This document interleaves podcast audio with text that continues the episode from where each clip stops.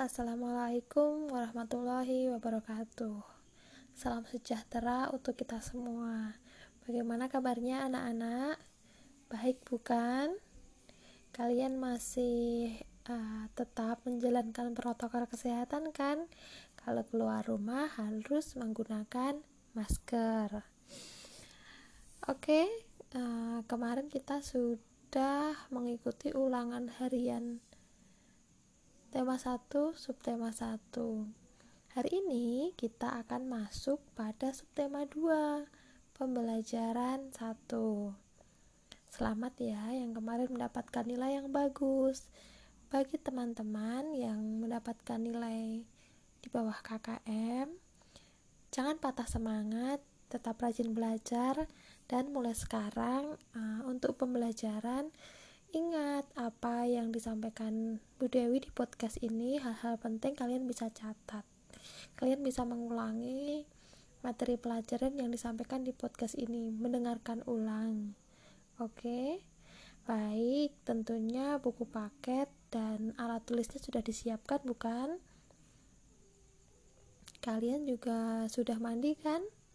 Bagi yang belum siap, di pause dulu, keluar dulu, siapkan dulu. Bagi yang sudah siap, mari kita mulai pembelajaran pada pagi hari ini dengan berdoa menurut agama dan kepercayaan masing-masing. Semoga pembelajaran daring kita diberi kelancaran. Berdoa menurut agama dan kepercayaan masing-masing dimulai.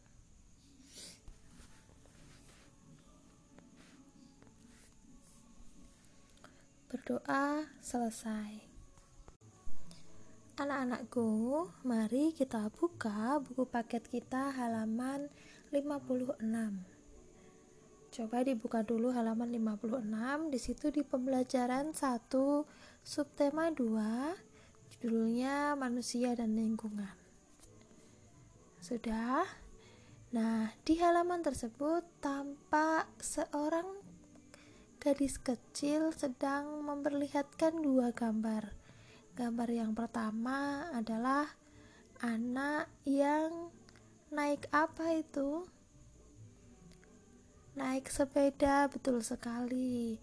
Gambar yang kedua adalah seorang pemuda yang mengendarai sepeda motor. Ingat ya, mengendarai sepeda motor itu untuk orang yang sudah dewasa kira-kira kalau anak kelas 5 SD boleh nggak naik sepeda motor?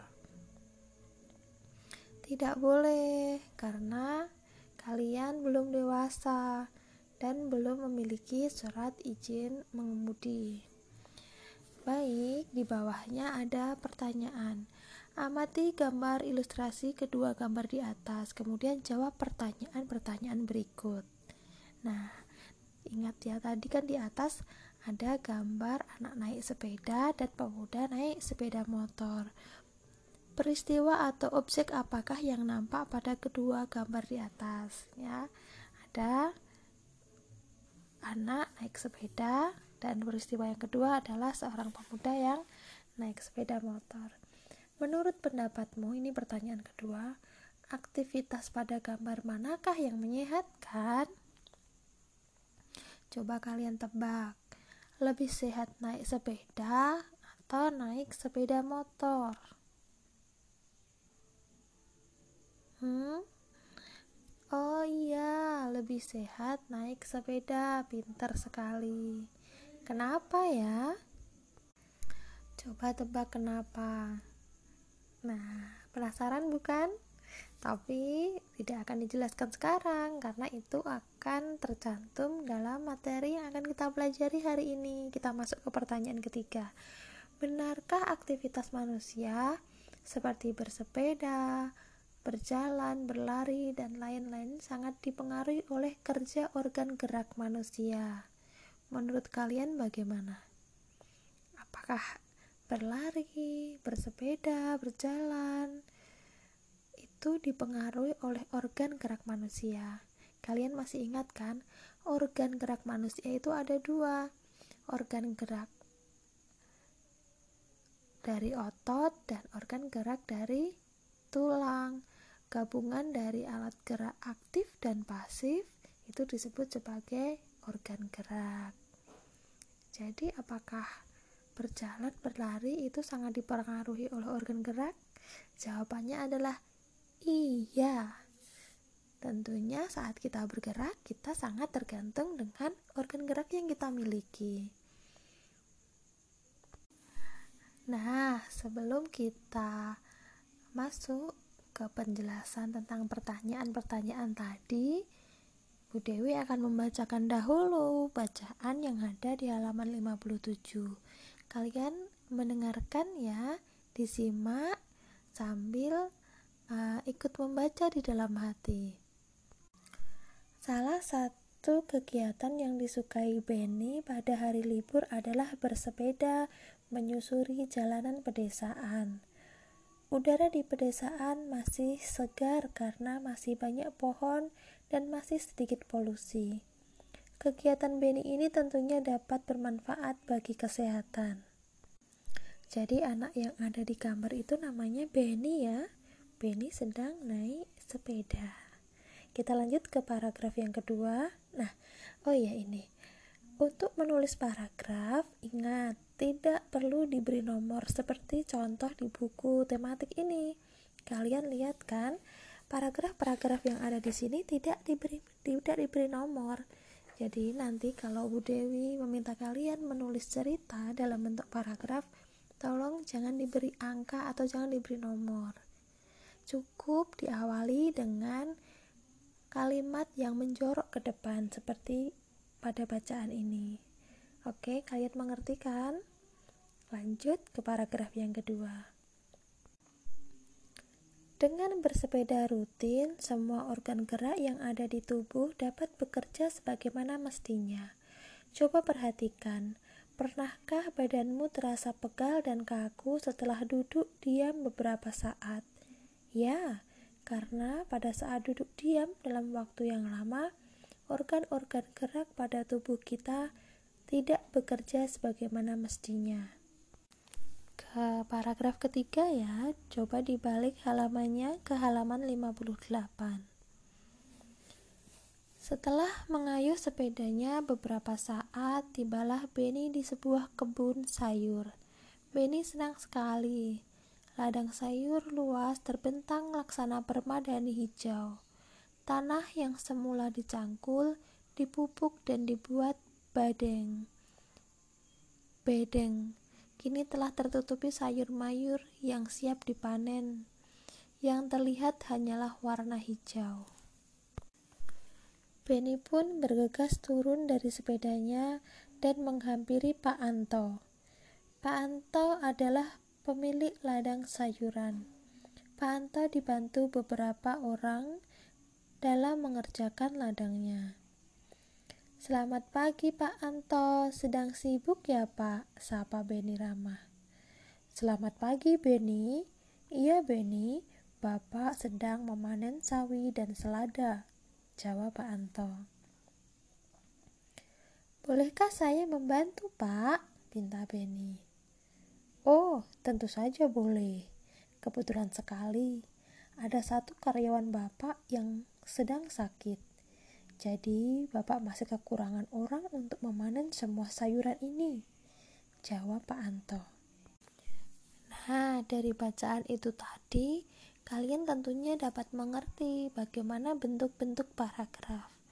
Untuk kalimat langsung, yakni kalimat yang langsung diucapkan oleh tokoh, diawali oleh tanda petik seperti Selamat pagi Pak Anto, sedang sibuk ya Pak? Nah, diapet oleh tanda petik. Tanda petik 2, selamat pagi Pak Anto, sedang sibuk ya Pak? Tanda tanya, lalu ditutup dengan tanda petik lagi. Sapa Beni Ramah titik. Itu disebut sebagai kalimat langsung.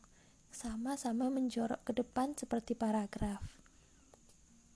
Kalian mengerti bukan? Dan ingat sekali lagi, dalam menulis paragraf tidak perlu diberi nomor. Cukup diawali dengan kalimat yang menjorok ke depan.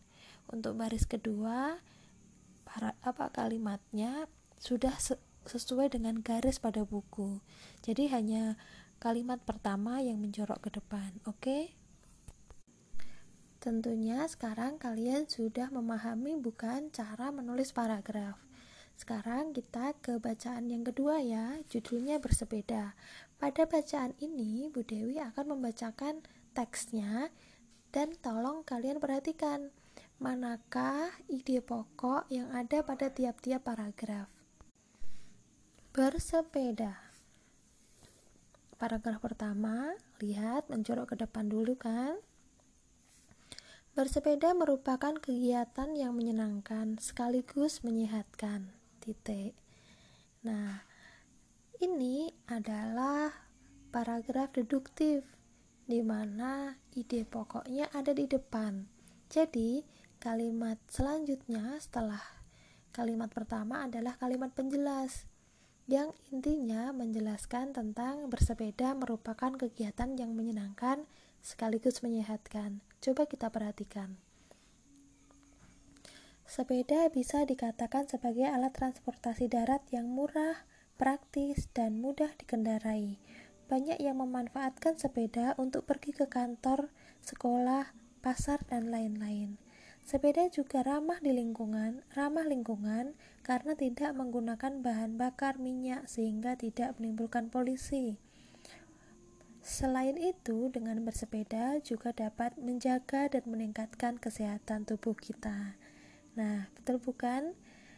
Kalimat pengembang juga menceritakan tentang bersepeda adalah kegiatan yang menyenangkan sekaligus menyehatkan. Kita masuk ke paragraf kedua ya. Paragraf kedua ini juga merupakan paragraf deduktif, di mana ide pokoknya ada di awal paragraf. Coba diperhatikan. Bersepeda dapat mengencangkan otot-otot tubuh. Titik. Seharusnya kalimat berikutnya menjelaskan tentang bersepeda dapat mengencangkan otot-otot tubuh. Mari kita perhatikan. Bersepeda tidak hanya melibatkan bagian kaki saja. Bahkan, banyak orang yang menganggap bersepeda hanya dapat mengencangkan otot-otot bagian betis dan paha saja. Namun sebenarnya bersepeda merupakan latihan fisik yang hampir melibatkan setiap bagian tubuh. Selain memperkuat otot-otot bagian kaki dan paha, bersepeda secara rutin juga akan mengencangkan otot-otot bagian belakang pinggul dan lengan. Nah, betul bukan? Kalimat-kalimat yang dibacakan setelah kalimat pertama adalah pengembangan dari kalimat pertama, yaitu bersepeda dapat mengencangkan otot-otot tubuh. Jadi, kalimat pertama merupakan ide pokok dari paragraf kedua ini. Jadi, ini disebut paragraf deduktif. Kita masuk ke paragraf ketiga ya. Jika bersepeda secara rutin, kesehatan jantung kita akan tetap terjaga.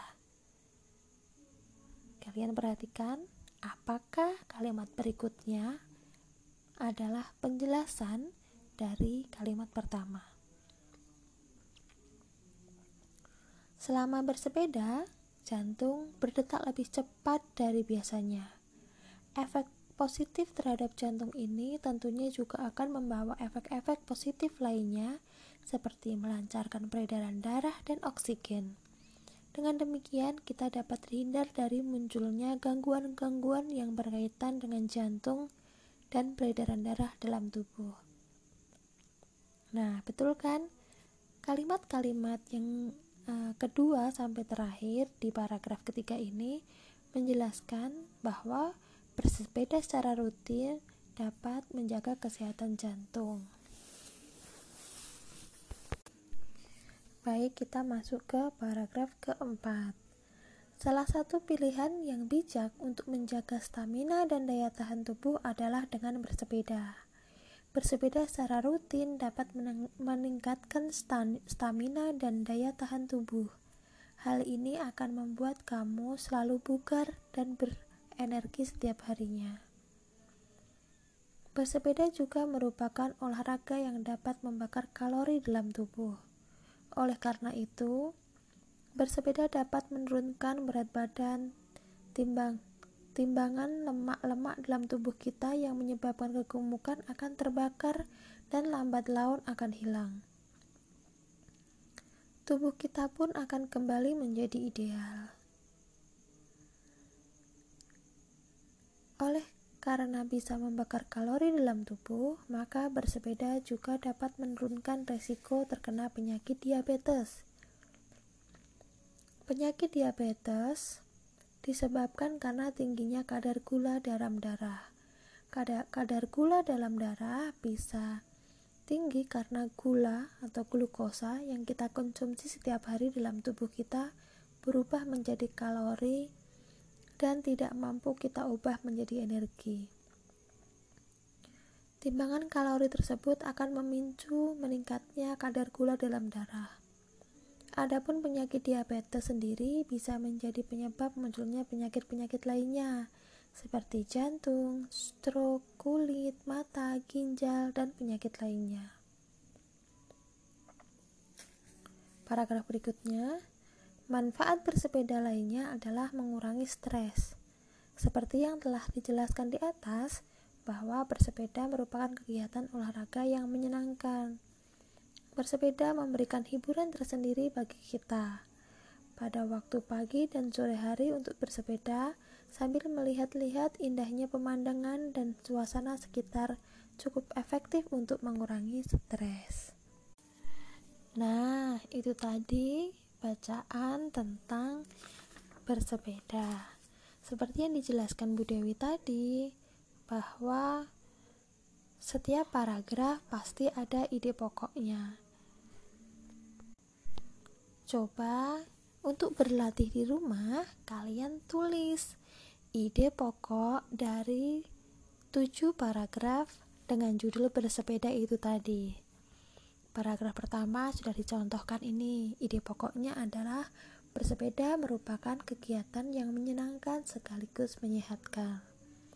Caranya, kalian lihat apakah atau manakah kalimat yang merupakan inti dari paragraf tersebut karena dalam setiap paragraf ada ide pokok dan ada eh, kalimat penjelas ide pokok merupakan gambaran dari satu paragraf utuh sedangkan kalimat penjelas itu menjelaskan ide pokok yang disampaikan Nah, anak-anak, sekian pembelajaran pada hari ini.